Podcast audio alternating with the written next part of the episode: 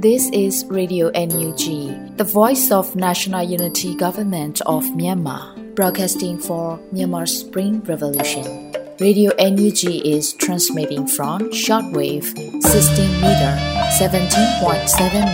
MHz at 8:30 a.m. and 25 meter 11.94 MHz at 8:30 p.m. Myanmar Standard Time. မင်္ဂလာပါရှင်။ မြို့သားညီညွတ်ရေးအစိုးရရဲ့အတန်လွင့်ဌာန Radio NUG ကိုမနက်ပိုင်း၈နာရီခွဲမှာလိုင်းတူ16မီတာ19.89 MHz ညပိုင်း၈နာရီခွဲမှာလိုင်းတူ25မီတာ17.6 MHz တို့မှာဓာတ်ရိုက်ဖမ်းယူနိုင်စေနိုင်ပါရှင်။မင်္ဂလာအပေါင်းနဲ့ပြည့်စုံကြပါစေ။အခုချိန်ကစပြီး Radio NUG အစီအစဉ်လေးကိုဓာတ်ရိုက်အတန်လွှင့်ပေးနေပါပြီရှင်။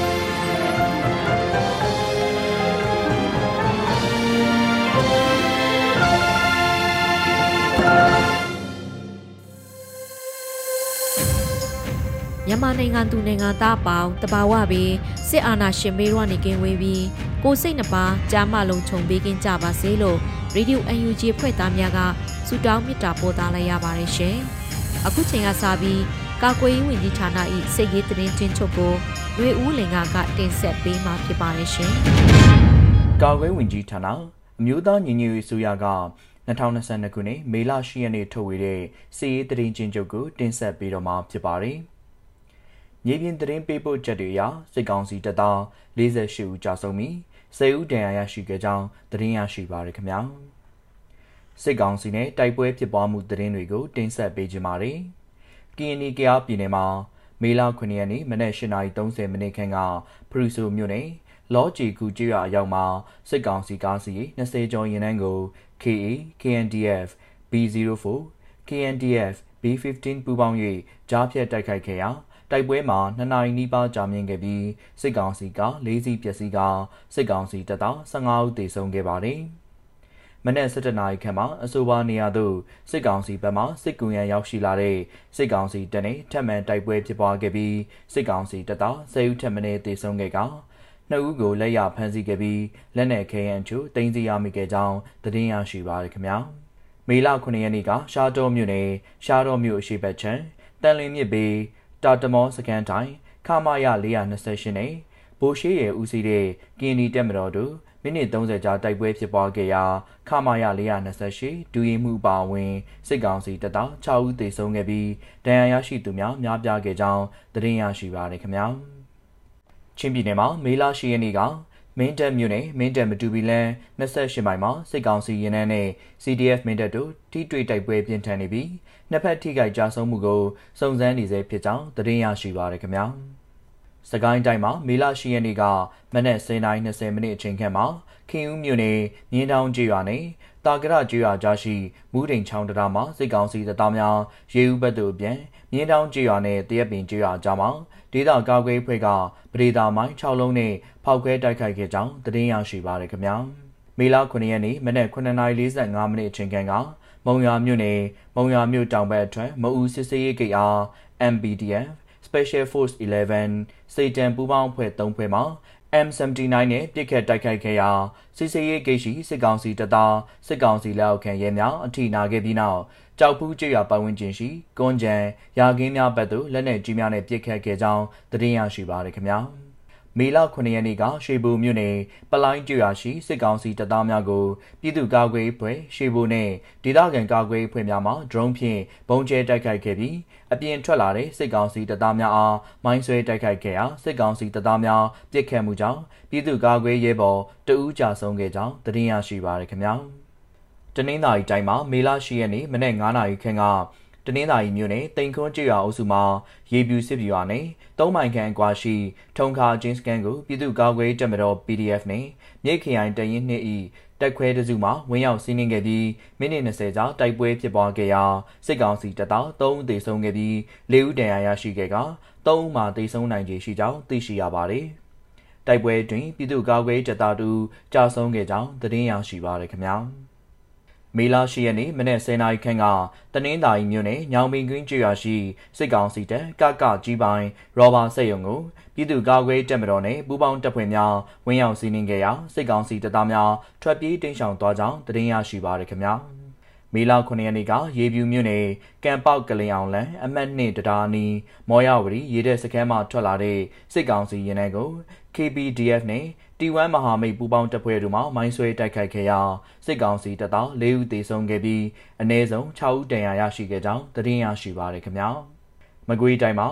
မေလ9ရက်နေ့နေ့လယ်တနာရီ30မိနစ်ခန့်ကထီလင်းမြို့နယ်စေးမင်တော်နယ်မြေရဲစခန်းမှာစခန်းပြောင်းရန်ထွက်လာတဲ့စစ်ကောင်စီတပ်သား စစ်ကောင်စီလက်အောက်ခံရဲနဲ့ပြူစောတိပူးပေါင်းအင်အား120ကျော်အောင် YDF ထီလင်းမှာရန်ပိတ်တဲ့ချိန်30ပါအကြီးစားမိုင်းနှလုံးနဲ့ကြားပြတ်တိုက်ခိုက်ခဲ့ရာစစ်ကောင်စီတပ်သား10ဦးသေဆုံးခဲ့ကြောင်းသတင်းရရှိပါရခင်ဗျာဆက်လက်ပြီးစစ်ကောင်စီကကျူးလွန်တဲ့ရာဇဝမှုတွေကိုတင်ဆက်ပေးကြပါမယ်။ကရင်ပြည်နယ်မှာမေလ10ရက်နေ့မနက်6နာရီခန့်က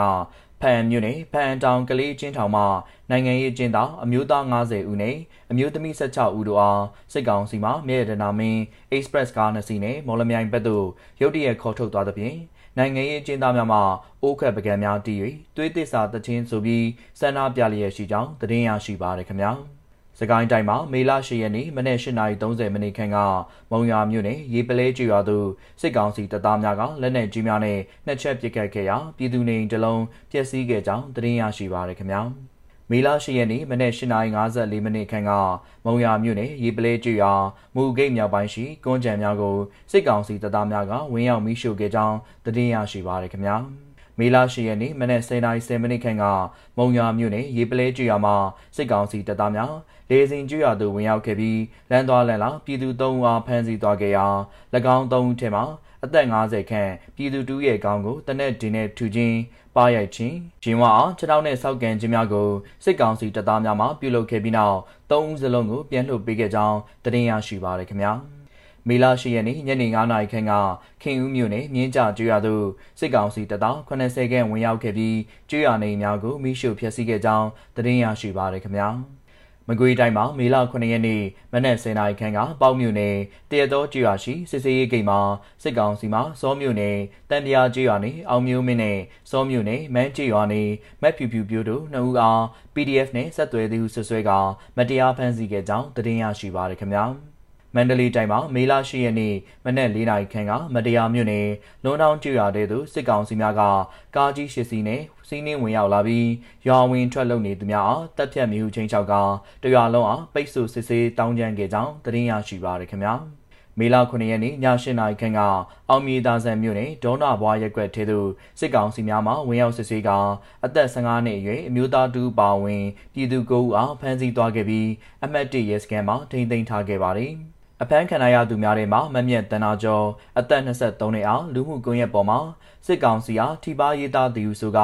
ပါ63မြင်းဆောင်2021အကြမ်းဖက်မှုတိုက်ဖျက်ရေးဥပဒေနဲ့ဖမ်းဆီးထားက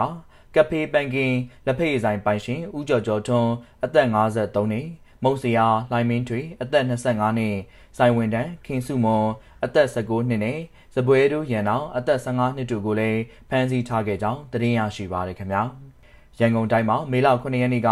တွန်တေးမြို့နယ်မှာစစ်ကောင်စီများကလူငယ်များကို PDF များနဲ့အဆက်အသွယ်ရှိသူဆိုကဗေဒာရက်ကွက်မှာလူငယ်နှုတ်ကိုဖမ်းဆီးခဲ့ပြီးအိုးဖို့ရက်ကွက်မှာအမျိုးသား2ဦး၊ကွန်းချံရက်ကွက်မှာအမျိုးသား2ဦး၊ဘီရင်အောင်ရက်ကွက်မှာအမျိုးသား2ဦးကျုံကြီးရက်ကွက်မှာအမျိုးသား2ဦးနဲ့မယန်းတပင်ကျွော်မှာအမျိုးသား6ဦးစုစုပေါင်း17ဦးကိုဖမ်းဆီးခဲ့ပါတယ်။ ထို့နောက်မယန်းတပင်ကျွော်မှာဖမ်းဆီးထားတဲ့လူငယ်များထဲမှာအမျိုးသား3ဦးကိုပြည်သူ့ကာကွယ်ရေးအဖွဲ့များရှိနိုင်သည်ဟုယူဆရတဲ့နေရာများကိုလိုက်လံပြသခိုင်းရမှာအမျိုးသား3ဦးထွက်ပြေးခဲ့သောကြောင့်စစ်ကောင်စီမှပြစ်ခတ်ခဲ့ရာ3ဦးစလုံးသေဆုံးခဲ့ကြောင်းသတင်းရရှိပါရခင်ဗျာ။ မေလ9ရက်နေ့ညနေ4နာရီခန့်ကတန်လင်းမြို့နယ်မှာအကြမ်းဖက်စစ်ကောင်စီတပ်မှတက်ကြက်ကြီးကျော်စောဦးနဲ့တက်ကြက်ကြီးလူလူကျော်တို့ကအမျိုးသမီးကိုအာဓမပြုကျင့်ခဲ့ပြီးအမျိုးသမီးရဲ့မိဘဆွေမျိုးများမှမရင်းကျင့်ခံရမှုကိုတပ်ဆိုင်ရာရဲစခန်းမှအမှုဖွင့်ခွင့်မရဘဲစစ်ကောင်စီတပ်မှတရင်မပြန့်စေရန်ဖိအားပေးချင်းချောက်လျက်ရှိပြီးတက်ကြက်ကြီးနှူးကိုလည်းနေပြောင်းရန်လှုံ့ဆော်နေကြောင်းသတင်းရရှိပါရခင်ဗျာ။ တနင်္လာရီတိုင်းမှာမေလ9ရက်နေ့မနက်၈နာရီခန့်မှစပြီးရေပြူမြို့နယ်ကံပေါက်ရွာမှာ MPT ဖုန်းလိုင်းများပြတ်တောက်ထားကြောင်းသတင်းရရှိပါရခင်ဗျာယခုတင်ဆက်သွားတဲ့သတင်းတွေကိုမြေပြင်သတင်းတာဝန်ခံများနဲ့သတင်းဌာနတွေမှာဖော်ပြလာတဲ့အချက်အလက်တွေပေါ်အခြေခံပြုစုထားခြင်းဖြစ်ပါတယ်ကျွန်တော်ကတော့ຫນွေဦးလင်ပါ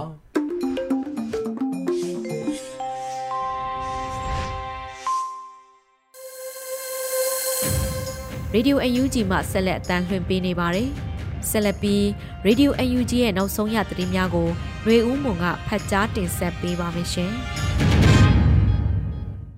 မင်္ဂလာပါရှင်။နောက်ဆုံးရသတင်းများကိုတင်ဆက်ပေးသွားမှာဖြစ်ပါတယ်။ခုတင်ဆက်မဲ့သတင်းတွေကိုတော့ Radio NUG သတင်းတာဝန်ခံတွေနဲ့ခိုင်လုံတဲ့မိဘသတင်းရင်းမြစ်တွေကအခြေခံတင်ပြထားတာဖြစ်ပါတယ်။ကျွန်မຫນွေဦးမွန်ပါ။ နိုင်ငံတကာကမြူတညီညွတ်ရေးအစိုးရအစွမ်းဆောင်ရည်ကိုစောင့်ကြည့်ကဲခတ်နေတဲ့ဆိုတဲ့သတင်းကိုဥစွာတင်ဆက်ပေးပါမယ်။နိုင်ငံတကာကနေပြီးတော့မြူတညီညွတ်ရေးအစိုးရရဲ့စွမ်းဆောင်ရည်ကိုစောင့်ကြည့်ကဲခတ်နေတယ်လို့ကာကွယ်ဝင်ကြီးဦးရင်မွန်ကပြောပါတယ်။မေလအတွင်းသတင်းဌာနတစ်ခုနဲ့တည်တဲ့အင်တာဗျူးမှာမြူတညီညွတ်ရေးအစိုးရကာကွယ်ဝင်ကြီးဌာနကပြည်ထောင်စုဝန်ကြီးဦးရင်မွန်ကပြောဆိုခဲ့တာဖြစ်ပါတယ်။နိုင်ငံတကာကလည်း NUG ရဲ့စွမ်းဆောင်ရည်ကိုစောင့်ကြည့်ကဲခတ်နေတယ်လို့မြင်ပါတယ်။ လက်ရှိအခြေအနေမှာ energy ဟာတကယ်မြို့သားညီညွတ်ရေးကိုဘယ်လောက်ထိတည်ဆောက်နိုင်ပြီးတော့မှတော်လိုင်းရေးကိုတကယ်အောင်မြင်နိုင်မလားသူတို့စောင့်ကြည့်အကဲဖြတ်နေတယ်ဒါနဲ့လည်းမပြီးသေးဘူးတော်လိုင်းပြီးတဲ့အခါမှာလည်းနိုင်ငံကိုအမျိုးသားညီညွတ်ရေးတကယ်ကိုအခြေခံပြီးတော့မှတကယ်တည်ငြိမ်တဲ့ငြိမ်းချမ်းတဲ့နိုင်ငံမျိုးဖြစ်အောင်တည်ဆောက်နိုင်မလားဆိုတာစောင့်ကြည့်အကဲဖြတ်နေတယ်လို့မြင်ပါတယ်လို့ဝန်ကြီးကဆိုပါတယ်2021ခုနှစ်ဖေဖော်ဝါရီလရက်နေ့မှာစစ်တပ်ဟာနိုင်ငံတော်အာဏာကိုမတရားသိမ်းယူခဲ့ပါတယ်။အဲဒီနောက်ပြည်ထောင်စုလွှတ်တော်ကိုစားပြုကော်မတီကို 2020ရွေးကောက်ခံကိုယ်စားလှယ်များနဲ့ဖွဲ့စည်းခဲ့ပြီးနောက်ပိုင်းမြို့သားညီညွတ်ရေးအစိုးရပေါ်ပေါက်လာခဲ့ပါတယ်ရှင်။စစ်ကောင်စီရဲ့ညီညွတ်ရေးဆွေးနွေးပွဲ ABSDF မတက်ရောက်ဘူးလို့ပြောဆိုတဲ့သတင်းကိုတင်ဆက်ပေးပါောင်းမယ်။စစ်ကောင်စီရဲ့ညီညွတ်ရေးဆွေးနွေးပွဲကို ABSDF ကမတက်ရောက်ဘူးလို့ပြောဆိုလိုက်ပါတယ်။မေလ10ရက်နေ့မှာမြန်မာနိုင်ငံလုံးဆိုင်ရာကျောင်းသားများဒီမိုကရက်တစ်တပ်ဦး ABSDF ကသတင်းထုတ်ပြန်လိုက်တာပါ။အဲ့ဒီထုတ်ပြန်ချက်မှာအလုံးပါဝင်နိုင်တဲ့ဒန်းတူရည်သူဆွေးနွေးဖြေရှာရန် ပြည့်စုံလုံလောက်သောအခင်းအကျင်းမရှိတဲ့အတွက်ကြောင့်၎င်းတို့အနေနဲ့တက်ရောက်နိုင်မှာမဟုတ်ဘူးလို့ ABSDF ကဆိုထားပါတယ်။ဒါအပြင်ပါဝင်သည့်ပါဝင်တိုက်သူများအားလုံးပါဝင်ပြီးဒိဗယ်ပြေဝတဲ့နိုင်ငံရေးတွေးဆုံဆွေးနွေးမှုများပေါ်ပေါက်ရန်လိုအပ်တယ်လို့လည်းတိုက်တွန်းဖော်ပြထားပါတယ်။ဂျပန်စစ်တပ်ရဲ့ငြိမ်းချမ်းရေးဆွေးနွေးပွဲကို KIO ကလည်းညှင်းပယ်ထားပြီးတော့လက်နက်အင်အားရှိတဲ့တိုင်းသားလက်နက်ကိုင်းများကလည်းတက်ရောက်မှာမဟုတ်ဘူးလို့ဆိုထားပါတယ်ရှင်။ စစ်ကောင်စီဟာအင်တာနက်ခေတ်မှာ press media ကိုနှိတ်ကွတ်တော့နာမည်ပြပြီးအမုန်းမဲ့အဖတ်တင်တယ်လို့ကိုမီကိုနိုင်ပြောဆိုတဲ့သတင်းကိုဆက်လက်တင်ဆက်ပေးပါမယ်။စစ်ကောင်စီဟာအင်တာနက်ခေတ်မှာ press media ကိုနှိတ်ကွတ်တော့နာမည်ပြပြီးအမုန်းမဲ့အဖတ်တင်တယ်လို့ကိုမီကိုနိုင်ကဆိုပါတယ်။မေလ10ရက်နေ့မှာစစ်ကောင်စီရဲ့အခြေအနေအရရက်ကို88မျိုးဆက်ចောင်းသားကောင်းဆောင်ကိုမင်းကိုနိုင်ကလူမှုကွန်ရက်မှာရေးသားပြောကြားခဲ့တာပါဒီတော်လိုင်းမှာစစ်ရေးအရေးကြီးတယ်ဒါပေမဲ့အခြားစာမျက်နှာတွေလည်းအရေးကြီးတာအများကြီး နိုင်ငံတကာစာမျက်နှာပြည်သူထောက်ခံမှုပူးပေါင်းမှုပါဝင်ပေါ့ဒီနေရာမှာအရေးချင်းကစကားပြောပြီးပြည်သူဘက်ကတော့ပြည်ရင်းပြည်ပရှိသမျှပညာရှင်မျိုးဆက်အသီးတွေကတာမန်ပြည်သူတွေကတွေးအမြင်လက်ဆောင်ထက်တွေကတဝုံဝုံညှက်တိုင်ကြတာဘယ်အကြောင်းအရာတက်လာလာအငိုက်မိလဲတအောင်မယ်တယောက်ကြောတယောက်ပုံပြီးခီးဆက်လာနိုင်တာစစ်ကောင်စီတို့တွေးခေါ်ပုံကိုကြည့်ပါပြည်ရင်းမီဒီယာကိုနှိပ်ကွပ်ပြတယ်အင်တာနက်ခေတ်မှာ press media ကိုနှိပ်ကွပ်တော့နာမည်ပြက်အမုန်းမဲ့ဖတ်တင်တာလို့ဆိုပါတယ် စစ်အုပ်စုဟာအာဏာသိမ်းပြီးနောက်မှာသတင်းသမား166ဦးအထိဖမ်းဆီးခဲ့ပြီးချို့မှပြန်လည်လွတ်မြောက်ခဲ့ပေမဲ့90ကျော်မှလက်ရှိချိန်ထိအကျဉ်းထောင်များတွင်ဆက်လက်ထိန်းသိမ်းခံနေရဆဲဖြစ်ပြီးတော့သတင်းသမား၃ဦးဖြစ်တဲ့ကိုဆိုနိုင်အဆိုင်ကေခစိုင်းဝင်းအောင်နဲ့ပူတူတင်တို့မှစစ်မြေပြင်၌၎င်းဖမ်းဆီးခံရစဉ်စစ်ကြောရေးမှ၎င်းကြာဆုံးခဲ့ရပြီးဖြစ်ပါတယ်ရှင်။ social punishment လုပ်ရမှာယာနုံးကြီးအဖြစ်စစ်ကောင်စီရဲ့မီဒီယာတွေကိုလုံးဝမကြည့်ဖို့တရုတ်ဆောင်ချစ်သူတွေကလူထုကိုတိုက်တွန်းတဲ့သတင်းကိုတင်ဆက်ပေးပါမယ်။ social punishment လုပ်ရမှာယာနုံမြစ်အဖြစ်စစ်ကောင်စီရဲ့မီဒီယာတွေကိုလုံးဝမကြည့်ဖို့တရုတ်ဆောင်ချစ်သူတွေကလူထုကိုတိုက်တွန်းပြောကြားလိုက်ပါတယ်။မေလ10ရက်နေ့သွေးစွန်ငွေဖြတ်တောက်ရေးစကားဝိုင်းမှာတရုတ်ဆောင်ချစ်သူတွေကပြောကြားခဲ့တာပါ။ social punishment ဆိုတာကအဖက်မလုပ်တာလုံးဝကိုရှောင်ဖယ်တာ social media မှာပြန့်နေတဲ့ဟာတွေကိုဟာကြည်စံပေါ်ရလိုက်တာရရတယ်ဒီလိုမျိုးမဟုတ်ဘူးလုံးဝကိုမကြည့်တာအဲ့တော့သူတို့ရဲ့မီဒီယာတွေကိုလုံးဝမကြည့်ခြင်း like မပေးခြင်းအသေးမပေးခြင်းတို့နဲ့ပါဝင်ပေးကြပါလို့ပြောချင်ပါတယ်လို့ဆိုပါတယ်။ ဒါအပြင်ပြည်သူလူထုအနေနဲ့လူဒေါ်လာရင်းနဲ့ဝေးမသွားပဲတက်နိုင်တဲ့နေရာကဒေါ်လာရင်းမှာပါဝင်ပေးကြရင်လည်းတရုတ်ဆောင်ချစ်သူတွေကဆိုပါတယ်ဒေါ်လာရင်းဟာအသက်တွေဘဝတွေပေးထားတာမို့ဒေါ်လာရင်းမှာပါဝင်တဲ့သူတွေကယူသားပါအမြဲတမ်းယူသားပါကိုထိလက်ရောက်ပါဝင်မှုမျိုးမရှိပဲကိုကိုကိုအရှက်ရမယ့်အဟာမျိုးမလုပ်ပါနဲ့လို့ပြောချင်တယ်လို့၎င်းကထပ်မံဆိုပါတယ်ရှင်စစ်ကောင်စီရဲ့တင်စားတာနဲ့တဘာဝပတ်ဝန်းကျင်ထိန်းသိမ်းရေးဝန်ကြီးဌာနက ပဝင်းကျင်ထိမ့်သိမ့်ရလုံနိုင်တာဘာမှမရှိပဲအာဏာရရှိတာလုံနေတယ်လို့တရုတ်ဆောင်တောင်းကဖွင့်ဟပြောကြားတဲ့သတင်းကိုဆက်လက်တင်ဆက်ပေးပါမယ်။စစ်ကောင်စီရဲ့တရားစံတာနဲ့တဘာဝပဝင်းကျင်ထိမ့်သိမ့်ဝန်ကြီးဌာနဟာပဝင်းကျင်ထိမ့်သိမ့်ရလုံနိုင်တာဘာမှမရှိပဲနဲ့အာဏာရရှိကိုသာလှုံ့ဆော်နေတယ်လို့တရုတ်ဆောင်တောင်းကဖွင့်ဟပြောကြားလိုက်ပါတယ်။မမေလရှိရဲ့ကျင်းပတဲ့တော်လိုင်းကာလာမှာဘဝင်းကျင်ထိမ့်သိမ့်မှုလိုအပ်လားကောင်းစဉ်နဲ့ဆွေးနွေးရမှာတရုတ်ဆောင်တောင်းကပြောကြားခဲ့တာပါ ဒီကာလာအတွင်းစစ်ကောင်စီလက်အောက်မှာတဘာပဝင်းကျင်နဲ့တယံဇာတထိမ့်သိမ့်ရေးဆိုတာသူတို့ဝန်ကြီးဌာနကလုံနိုင်တာပါမှမရှိဘူးသူတို့အာဏာရရှိရေးကိုပဲလုပ်နေတယ်ခုဆိုရင်အထူးသဖြင့်ကချင်တို့မကွေးတို့စကိုင်းတို့အားလုံးလိုလိုတိုက်ပွဲတွေဖြစ်နေတယ်အဲ့လိုနေရာတွေမှာတယံဇာတကိုအုပ်ချုပ်ထိမ့်သိမ့်မှုထိထိရောက်ရောက်ဖြစ်ဖို့ကဘယ်လိုမှမဖြစ်နိုင်ဘူးလို့တရုတ်ဆောင်တောင်းကဆိုပါတယ်ကျန်နာသိမ်းပြီးနောက်စစ်တပ်နဲ့လုပ်ငန်းရှင်တို့ဟာတရားမဝင်ရွှေတူးဖော်ရေးလုပ်ငန်းတွေကိုအင်ဒိုဂျီအိုင်အတွင်းသို့စီဝင်တဲ့ချောင်းများအတွင်း ရွှေမျောလောက်ကွက်များလောက်ကန်ရာတိန်ကောမှုဧက90ကျော်အထိရှိလာပြီးရေအယောင်နှမျိုးကွဲတဲ့အထိဖြစ်ပေါ်လာခဲ့ပါတယ်။ခုလိုအာနာသိန်းတဲ့ကာလမှာတက်တွေအတွက်ပွဲတော်လိုဖြစ်နေတာပေါ့ဒီတစ်ခေါက်သူတို့အာနာသိန်းပြီးရင်ကျွန်တော်တို့တိုင်းပြည်ကအခွန်မဲကျန်တော့မှာဒီတန်စာတတွေကိုပြည်သူတွေစီကခိုးယူနေကြတာပေါ့လို့စီတန်ပူကြီးလင်းထက်အောင်ကလည်းပြောဆိုပါတယ်ရှင်။ဆက်လက်နဲ့ပစ္စည်းညွှန်ကြားရေးယုံကကကြီးပိုင်းရဘာဆက်ယုံကိုပြည်သူ့ကာကွယ်ရေးတပ်မတော်တရင်နှင်းနဲ့ပူပေါင်းဖွဲ့တို့ဝင်ရောက်စီနေရမှာ အကြမ်းဖက်စစ်ကောင်စီဘက်ကထွက်ပြေးတိမ်းရှောင်ခဲ့တာကြောင့်စစ်မတိုက်ခဲ့ရဘူးဆိုတဲ့သတင်းကိုတင်ဆက်ပေးပါမယ်။ဆက်လက်နဲ့ပစ္စည်းညွှန်ကြားရေးယုံကကကြီးပိုင်းရဘာဆက်ယုံကိုပြည်သူ့ကာကွယ်ရေးတပ်မတော်တရင်နှင်းနဲ့ပူပေါင်းဖွဲ့တို့ဝင်ရောက်စီနေရမှာအကြမ်းဖက်စစ်ကောင်စီဘက်ကထွက်ပြေးတိမ်းရှောင်ခဲ့တာကြောင့်စစ်မတိုက်ခဲ့ရဘူးလို့သိရပါတယ်။မေလ10ရက်နေ့နနက်10:00နာရီအချိန်မှာတနင်္သာရီမြို့နယ်ရောင်မင်းကွေးရွာမှာရှိတဲ့ဆက်လက်နဲ့ပစ္စည်းညွှန်ကြားရေးရုံးကကကြီးပိုင်းရာဘာဆက်ရုံကိုဝင်ရောက်စီးနင်းခဲ့တယ်လို့ဆိုပါတယ်။ မေလ10ရက်နေ့နနက်10:00နာရီအချိန်တွင်တနင်္သာရီမြို့နယ်ညောင်မင်းကွင်းရွာရှိဆက်လက်နဲ့ပစ္စည်းညွှန်ကြားရေးရုံးကကကြီးပိုင်းရာဘာဆက်ရုံအားပြည်သူ့ကာကွယ်ရေးတပ်မတော်တရင်နှစ်နဲ့ပူးပေါင်းဖွဲ့တို့ဝင်ရောက်စီးနင်းခဲ့ပါတယ်။ထို့သောဝင်ရောက်စီးနင်းရာတွင်အကြံဖတ်စစ်ကောင်စီဘက်မှထွက်ပြေးတိမ်းရှောင်ခဲ့သဖြင့်တိုက်ပွဲဖြစ်ပွားမှုမရှိဘဲပြန်လည်ဆုတ်ခွာခဲ့ရပါတယ်လို့ဖော်ပြထားပါတယ်။အဲဒီလိုပြန်လည်ဆုတ်ခွာပြီးတဲ့နောက်တနင်္သာရီမြို့နယ်ညောင်မင်းကွင်းကျေးရွာမှာရှိတဲ့ခမရ961မှာလက်နက်ကြီးနဲ့ရန်တမ်းပစ်ခတ်ခဲ့တယ်လို့လည်းသိရပါဗျ။ ပြည်သူ့ကာကွယ်ရေးတပ်မတော်နဲ့ပူးပေါင်းဖွဲ့တို့မှထိခိုက်ဒဏ်ရာမရရှိခဲ့ဘူးလို့ဆိုပါတယ်ရှင်။ရဲတပ်သားတအူ CDF KKG ထံသို့လက်နက်နဲ့အတူအလင်းဝင်တဲ့သတင်းကိုတင်ဆက်ပေးပါောင်းမယ်။ရဲတပ်သားတအူဟာ CDF KKG ထံကိုလက်နက်နဲ့အတူလင်းဝင်လာတယ်လို့မိလာရှိရနေမှာထုတ်ပြန်ပါတယ်။လောင်းရှိနယ်မြေရဲစခန်းမှာကံကောမြို့တွင်ယာယီတွဲဘက်တာဝန်ထမ်းဆောင်နေတဲ့တပ်သားဖြစ်သူအောင်ကျော်လင်းကိုပိုင်အမှတ်လာမြင့်ဆောင်နှစ်ခွန်ခွန်လေးတုံညာလေးဟာ အာနာသိစစ်ကောင်စီရဲ့မတရားမှုတွေကိုစန့်ကျင်ပြီးလက်နက်အပြည့်စုံတဲ့တကွ CDF KKG မှတစ်ဆင့်အလင်းဝင်ရောက်ခဲ့တယ်လို့သတင်းရရှိပါရယ်ရဲတပ်သားအောင်ကျော်လင်းသည် M22 မောင်းပြန်တနက်တလက်ကြီးအိမ်အပိုးတစ်ခုနဲ့ကြီး90တောင်တို့ကိုတဘာရဲယူဆောင်လာသဖြင့်ထိုက်တဲ့နဲ့စုချင်းငွေများချိမိမိလွမြောက်နေမြေတို့ပို့ဆောင်ပေးခဲ့ပါတယ်လို့ဆိုပါတယ်ခုခါမှာ CDF KKG မှတစ်ဆင့် CDM ပြုလုပ်ပြီးအလင်းဝင်ရောက်လာတဲ့စစ်သားနဲ့ရဲ့အရေးအတွက်စုစုပေါင်း၈ဦးအထိရှိပြီးဖြစ်ပါတယ်။ လက်နက်ကြီးအပြည့်စုံနဲ့လင်းဝင်ရောက်လာသူများကိုသာလုံခြုံစိတ်ချရတဲ့နေမြေကိုပို့ဆောင်ပေးသွားမှာဖြစ်ပြီးတော့ထိုက်တဲ့နဲ့စုကြီးကိုလည်းချီးမြှင့်သွားမယ်လို့ Shinland Defense Book ကလေးကဘောဂန်ဂောကထုတ်ပြန်ပါတယ်ရှင်။တောင်ကိုရီးယားကင်မဲမြို့မှာဂျမ်ဖတ်စစ်တပ်အလို့မရှိကြောင်းဆန္ဒပြတဲ့သတင်းကိုတင်ဆက်ပေးပါောင်းမယ်။တောင်ကိုရီးယားနိုင်ငံကင်မဲမြို့မှာဂျမ်ဖတ်စစ်တပ်အလို့မရှိကြောင်းဆန္ဒပြခဲ့တယ်လို့သတင်းရရှိပါရယ်။ဝီလာရှိယနေ့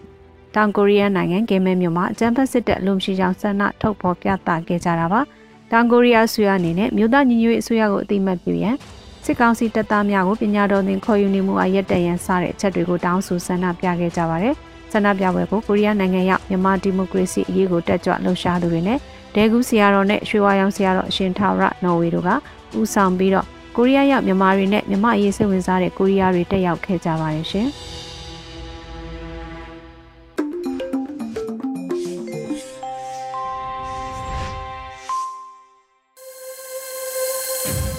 ရေဒီယိုအန်ယူဂျီမှဆက်လက်အတန်းလွှင့်ပေးနေပါတယ်။ယခုဆက်လက်ပြီးပြည်သူခုခံစစ်တရင်များကိုကျော်နွေဦးကတင်ဆက်ပေးမှာဖြစ်ပါတယ်ရှင်။ပထမဆုံးအနေနဲ့ဖရူဆိုမြို့နယ်လောကျေးခုကျေးရွာအနီးစစ်ကား၄စီးပါရရန်တိုက်ခိုက်ခံရပြီးနောက်စစ်ကူလာတဲ့စစ်တပ်စစ်ကြောင်းမှာထပ်မံတိုက်ခိုက်ခံရကတိုက်ပွဲနှစ်ကြိမ်မှာစစ်သား25ဦးထပ်မံတေဆုံးပြီးလက်နက်များရရှိတဲ့တဲ့တင်တင်ဆက်ပါမယ်။ ကရင်ပြည်နယ်ဖရူဆိုမြို့နယ်လောကျေးခုကျေးရွာအနီးမှာအကြမ်းဖက်စစ်ကောင်စီတပ်ဖွဲ့နဲ့ကရင်ပူးပေါင်းတပ်ဖွဲ့ကြားမေလ9ရက်နနက်မှာနှစ်ကြိမ်တိုက်ပွဲဖြစ်ပြီးစစ်သား25ဦးထပ်မံတေဆုံးသွားကြောင်း KNDF တပ်ရင်းလေးကသတင်းထုတ်ပြန်ပါတယ်။ ယမနေ့မေလ9ရက်နနက်8နာရီခွဲမှာဘော်လ်ခဲမြို့နယ်ဘက်မှထွက်ခွာလာတဲ့စစ်ကား20စီးပါရင်နှန်းကိုလော်ဂျီကူကြေးရွာနီးတွင်တိုက်ခိုက်ရာစစ်ကား၄စီးပျက်စီးပြီးအဆိုပါကား၄စီးပေါ်မှစစ်သားအလုံးစုစုပေါင်း15ဦးတေဆုံးကြောင်းအဆိုပါစစ်ကားများကိုမိရှို့ဖျက်ဆီးလိုက်ကြောင်းသိရှိရပါသည်။ နနနက်7:10မိနစ်မှာအဆိုပါတိုက်ပွဲဖြစ်ရာနေရာသို့စစ်ကူလာတဲ့စစ်ကောင်စီတပ်ဖွဲ့နဲ့တိုက်ပွဲထပ်မံဖြစ်ပွားပြီးစစ်သား10ဦးထပ်မံတေဆုံးကြောင်းအတည်ပြုနိုင်ပြီး2ဦးကိုအရှင်ဖမ်းမိကြောင်း KNY တပ်ဖွဲ့မှရဲဘော်တဦးဒဏ်ရာရကြောင်း KNDF တပ်ရင်း၄ကဆိုပါတယ်စစ်ကောင်စီတပ်ဖွဲ့ကို KNY တပ်မတော် KA KNDF တပ်ရင်း၄တပ်ရင်း15တပ်ဖွဲ့များကပူးပေါင်းတိုက်ခိုက်ခဲ့ခြင်းဖြစ်ပြီးစစ်ကောင်စီတပ်ထံမှဆက်လက်ငကြင်းမီတလက် RPG တလက် MA အမျိုးအစားတနက်၈လက်နဲ့ KN ချို့ကိုတင်စီရမိခဲ့ကြောင်းသိရှိရပါတယ်။ဆက်လက်ပြီးထန်းတပင်မြို့နယ်မှာစစ်တပ်ခြေလျင်တပ်ရင်း84မှဒုတပ်ရင်းမှုနဲ့တပ်ကြက်ကြီးတို့နှစ်ဦးကို KNL နဲ့ PDF ကအရှင်ဖမ်းမိတော်လဲထွက်ပြေးတာကြောင့်ပြစ်ခတ်ရမှတေဆုံးသွားတဲ့တဲ့တင်တင်ဆက်မှာပါ။ပဲခူးတိုင်းထန်းတပင်မြို့နယ်ရှားစေးဖိုးနဲ့ရေရှမ်းရွာအနီးမှာမေလ9ရက်နေ့ညနေပိုင်းကအကြမ်းဖက်စစ်ကောင်စီခြေလျင်တပ်ရင်း84မှဒုတပ်ရင်းမှုနဲ့တပ်ကြက်ကြီးတို့စီးလာတဲ့ကားကို KNL PDF ပူးပေါင်းတပ်ကဖမ်းဆီးခဲ့ပြီးဒုတက်ရင်မှုနဲ့တက်ကြက်ကြီးကိုအရှင်ဖမ်းမိကြောင်းသိရှိရပါတယ်။တို့ရတွင် KNL နဲ့ PDF ပူးပေါင်းတပ်ဖွဲ့ကဖမ်းဆီးစဉ်စစ်ကောင်စီအရာရှိနဲ့တက်ကြက်ကြီးကကားပေါ်မှဆင်းပြေးတာကြောင့်လိုက်လံဖမ်းဆီးခဲ့ကြောင်းထို့နောက်အရှင်ဖမ်းဆီးမိခဲ့တော်လဲလမ်းတွင်ထပ်မံထွက်ပြေး၍ပြစ်ခတ်ရာတေဆုံးသွားကြောင်းထန်းတပင်ပြည်သူ့ကာကွယ်ရေးအဖွဲ့ကဆိုပါတယ်။တနင်္သာရီမြို့နယ်ရှိစစ်တပ်ပိုင်ရောဘာစက်ရုံကို PDF နဲ့ပူးပေါင်းတပ်ဖွဲ့များဝင်ရောက်စီးနင်း စစ်သားများထွက်ပြေးတင်းရှောင်တဲ့တဲ့ရင်ဆက်လက်တင်ဆက်ပါမယ်။တနင်္သာရီတိုင်းတနင်္သာရီမြို့နယ်ညောင်ပင်ကွင်းကျေးရွာရှိစစ်တပ်ပိုင်ရောဘာစက်ရုံကို PDF နဲ့ပူးပေါင်းတပ်ဖွဲ့များဝင်ရောက်စီးနင်းပြီးစစ်သားများထွက်ပြေးတင်းရှောင်သွားကြကြောင်းတနင်္သာရီပြည်သူ့ကာကွယ်ရေးတပ်တော် TDF ကသတင်းထုတ်ပြန်ပါတယ်။ဆက်လက်နဲ့ပစ္စည်းညွှန်ကြားရေးယုံကကကြီးပိုင်ရာဘာစက်ရုံကိုပြည်သူ့ကာကွယ်ရေးတပ်မတော်တပ်ရင်းနှင့်နဲ့ပူးပေါင်းအဖွဲ့တို့ကယနေ့နနက်10:00နာရီအချိန်မှာဝင်ရောက်စီးနင်းခဲ့ကြောင်းဝင်ရောက်စီးနင်းရမှာအကြမ်းဖက်စစ်ကောင်စီဘက်မှထွက်ပြေးတင်းရှောင်ခဲ့တာကြောင့်ထိုဆက်ယုံကိုရှင်းလင်းပြီးပြန်လည်ဆုတ်ခွာခဲ့ကြောင်းသိရှိရပါတယ်။ တနင်္သာရီမြို့နယ်ညောင်ပင်ကွင်းကျေးရွာရှိခမာယ961ကလက်နက်ကြီးနဲ့ရန်တမ်းပစ်ခတ်ခဲ့ပြီးပြည်သူ့ကာကွယ်တပ်မတော်နဲ့ပူးပေါင်းအဖွဲ့တို့မှထိခိုက်ဒဏ်ရာမရရှိခဲ့ကြောင်းသတင်းထုတ်ပြန်ချက်မှာဖော်ပြထားတာပါ။နောက်ဆုံးအနေနဲ့ဟာခါဖလန်လမ်းပိုင်းမှာစစ်ကောင်စီရင်တန်းတိုက်ခိုက်ခံရပြီးစစ်သား14ဦးခန့်တေဆုံးမုံရွာမှာစစ်ကောင်စီစစ်ဆေးရေးဂိတ်တိုက်ခိုက်ခံရပြီး၈ဦးတေဆုံး6ဦးဒဏ်ရာရချင်းတွင်းမြစ်ကြောင်းမှာစစ်ကောင်စီတင်မောပစ်ခတ်ခံရက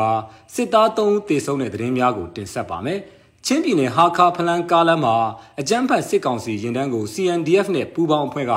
မေလ၄ရက်နဲ့6ရက်နေ့မှာနှစ်ကြိမ်မိုင်းဆွဲတိုက်ခိုက်ရာစစ်သား14ဦးခန့်တေဆုံးပြီးမေလ9ရက်မှာ CNDF ရဲဘော်တအူမိုင်းမတော်တဆမှုဖြစ်ကကြာဆုံးသွားကြောင်းချင်းမျိုးသားအဖွဲ့ချုပ် CNO ကသတင်းထုတ်ပြန်ပါတယ်။တန်ချက်ကအမြောက်ကား2စီးပါစစ်ကားအစီး20ကျော်ရင်နှန်းဟာ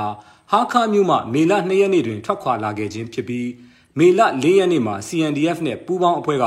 တောက်ထက်ကြီးရွာနီးမှာမိုင်းခွဲတိုက်ခိုက်ရာစစ်သား6ဦးခန့်တေဆုံးသွားကြောင်းမေလ6ရက်နေ့မှာထပ်မံမိုင်းခွဲတိုက်ခိုက်ရာစစ်သား10ဦးတေဆုံးကြောင်းသိရှိရပါတယ်။ဟာခါဖလန်ကားလမ်းပေါ်ရှိတားကြီးရွာနီးမှာမေလ9ရက်နေ့ CNDF ရဲဘော်တအူမိုင်းမတော်တဆဖြစ်ပြီးကြာဆုံးခဲ့ကြောင်း CNDF ကဆိုပါတယ်။ အလားတူသခိုင်းတိုင်းမုံရွာမြို့အဝင်ရှိအကြမ်းဖက်စစ်ကောင်စီတပ်ဖွဲ့ဝင်များစခန်းချနေတဲ့မအူစစ်စေးရေးဂိတ်ကိုမုံရွာအခြေစိုက်ညီနောင်၃ဘွဲကယမနေ့ည9နာရီခွဲခန့်မှာဝင်ရောက်ပစ်ခတ်ရာအရာရှိတဦးအပါအဝင်စစ်သား၈ဦးတေဆုံးပြီး6ဦးဒဏ်ရာရကြောင်းသတင်းရရှိပါရယ် အလားတူယမနေ့နနက်9နာရီခန့်မှာချင်းနှင်းမြစ်ကြောင်းတိုင်းစုံဆင်းလာတဲ့စစ်ကောင်စီတင်မော်တစည်းကိုနထိုးကြီးဒေသကာကွယ်ရေးတပ်ဖွဲ့ NRDF နဲ့မြောင်ပြည်သူ့ကာကွယ်ရေးအထူးတပ်ဖွဲ့ MSPDF ပူးပေါင်းအဖွဲ့ကပစ်ခတ်တိုက်ခိုက်ရာစစ်သား3ဦးသေဆုံးပြီးဒဏ်ရာရသူများလည်းရှိကြောင်း NRDF ကသတင်းထုတ်ပြန်ထားပါတယ်ခင်ဗျာကျွန်တော်ကျော်နေဦးပါ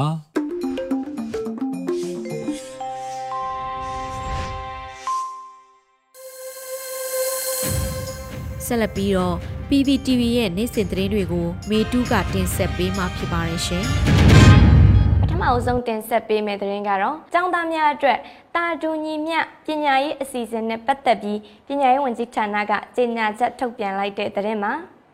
အစစ်မြင့်ပညာကဏ္ဍနဲ့ တမွေးပညာကဏ္ဍမှာចောင်းသားများအတွက်တာတူညီမျှပညာရေးအစီအစဉ်နဲ့ပတ်သက်ပြီးအမျိုးသားညီညွတ်ရေးအစိုးရပညာရေးဝန်ကြီးဌာနကမေလ6ရက်နေ့ရက်စွဲနဲ့ကြေညာချက်ထုတ်ပြန်လိုက်ပါတယ်။ပညာရေးဝန်ကြီးဌာနကအစစ်မြင့်ပညာကဏ္ဍနဲ့တမွေးပညာကဏ္ဍမှာကျောင်းသားကျောင်းသူများအတွက်ဂျာကာလာပညာရေးပြင်ဆင်နေမှုတွေကိုဖက်ဒရယ်ဒီမိုကရေစီအတွက်အထောက်အကူပြုရန်တော်လှန်ရေးအောင်မြင်မှုကိုအထောက်အကူပြုရန်စဉ်ဆက်မပြတ်ပညာရေးကိုအကောင့်ထဲဖော်ရန်နဲ့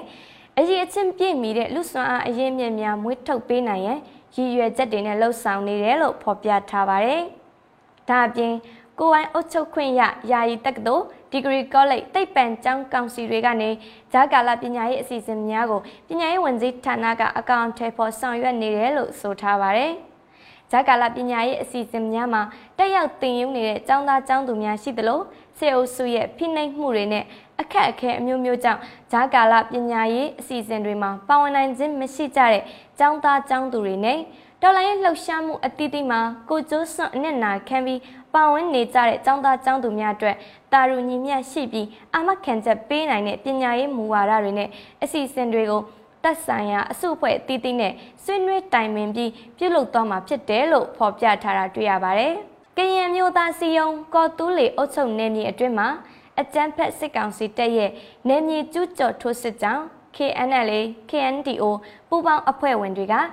ပြန်လည်တိုက်ခိုက်ခဲ့ရာအေဗီလာအတွင်းတိုက်ပွဲပေါင်း909ကြိမ်ဖြစ်ပွားခဲ့ပြီးတော့အကြမ်းဖက်စစ်ကောင်စီဘက်က356ဦးသေခဲ့တယ်လို့ KNU ဗအိုကထုတ်ပြန်လိုက်ပါတယ်။ KNU ဗအိုရဲ့ထုတ်ပြန်ချက်မှာ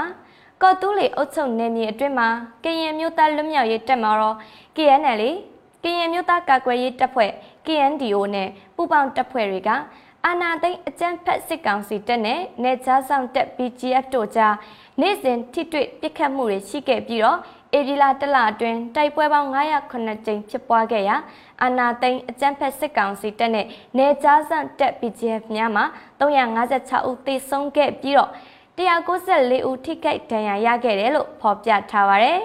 ။ကရင်မျိုးသားလွတ်မြောက်ရေးတပ်မတော် KNL ကရင်အမျိုးသားကာကွယ်ရေးတပ် KNDO နဲ့ပူးပေါင်းတပ်ဖွဲ့တွေမှာတိုင်းပြည်လွတ်မြောက်ရေးအတွက်15ဦးကြာဆုံးအသက်ဆုံးခဲ့ရပြီးတော့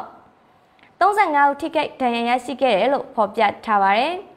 အနာသိန်းအကြမ်းဖက်စစ်ကောင်စီတွေနဲ့နေကြားဆောင်တပ် BGF တို့ရဲ့လက်နက်ကြီးရန်တမ်းပစ်ခတ်မှုရွေချက်ရှိရှိပစ်ခတ်မှုနဲ့အာနာသိန်းအကြမ်းဖက်စစ်ကောင်စီတပ်တွေရဲ့လေကြောင်းမှတိုက်ခိုက်မှုတို့ကြောင့်အပြစ်မဲ့ပြည်သူ10ဦးအသက်ဆုံးရှုံးခဲ့ရပြီးတော့ 30ဦးထိခိုက်ဒဏ်ရာရရှိခဲ့တယ်လို့လည်းဖော်ပြထားတာတွေ့ရှိရပါတယ်ရှင်။ယခုနောက်ဆုံးအနေနဲ့မြန်မာနိုင်ငံတဝန်းကလူမျိုးပေါင်းစုံဘာသာပေါင်းစုံပါဝင်တဲ့ဆရာနာရှင်အမြင့်ပြတ်ချိန်မုံရေးလူလူဆန္ဒပြပွဲသတင်းတွေကိုစူးစီးတင်ဆက်ပေးမှာဖြစ်ပါတယ်။စကိုင်းတိုင်းရွှေဘုံမြို့နယ်ရဲ့ကျေးရွာတရွာမှာလည်းအကြမ်းဖက်စစ်တပ်ကြောက်ရှုံးရေးဆန္ဒပြတပိတ်ကိုဒီနေ့မှပြုလုပ်ခဲ့ကြပါတယ်။ဆ န္ဒပြပြည်သူတွေကအမျိုးသားညီညွတ်ရေးအစိုးရကိုထောက်ခံတဲ့စာသားတွေကင်ထားသလိုအကြမ်းဖက်စစ်တပ်ကြောက်ရှုံးရေးဟစ်ကြွေးမှုတွေလည်းပြုလုပ်ခဲ့ကြပါတယ်။စကိုင်းတိုင်းရင်းမာပင်ခရိုင်တဲကရင်းမာပင်အရှိချမ်းနဲ့စာလင်းကြီးမြောက်ချမ်းတို့ပူးပေါင်းထားတဲ့ရွာပေါင်းစုံတပိတ်စစ်ကြောင်းကလည်းဒီကနေ့မနက်မှာဆီယနာရှင်စန့်ကျင်ရေး424ရက်မြောက်ဆန္ဒပြပွဲကိုပြုလုပ်ခဲ့ကြပါတယ်။ ဆန္ဒပြပြည်သူတွေကလူထုအားဖြင့်သာဆန္ဒရှင်စနစ်ကိုဖြိုချနိုင်မည်ဆိုတဲ့စာသားတွေကင်ဆွဲပြီးတော့အကြမ်းဖက်ဆန္ဒရှင်ကြရှုံးရေးဟစ်ကြွေးတန်တွေနဲ့ဆန္ဒပြချစ်တက်လှည့်လည်ခဲ့ကြတာပါဒါကတော့မေလ10ရက်နေ့သတင်းတွေနဲ့လူထုဆန္ဒပြပွဲသတင်းတွေကိုစူးစီးတင်ဆက်ပေးခဲ့တာဖြစ်ပါတယ်ကျေးဇူးတင်ပါတယ်ရှင်ချိုးတွေမပြန်နိုင်တော့ချေတချို့တွေပြန်မဆုံးနိုင်တော့ချေတ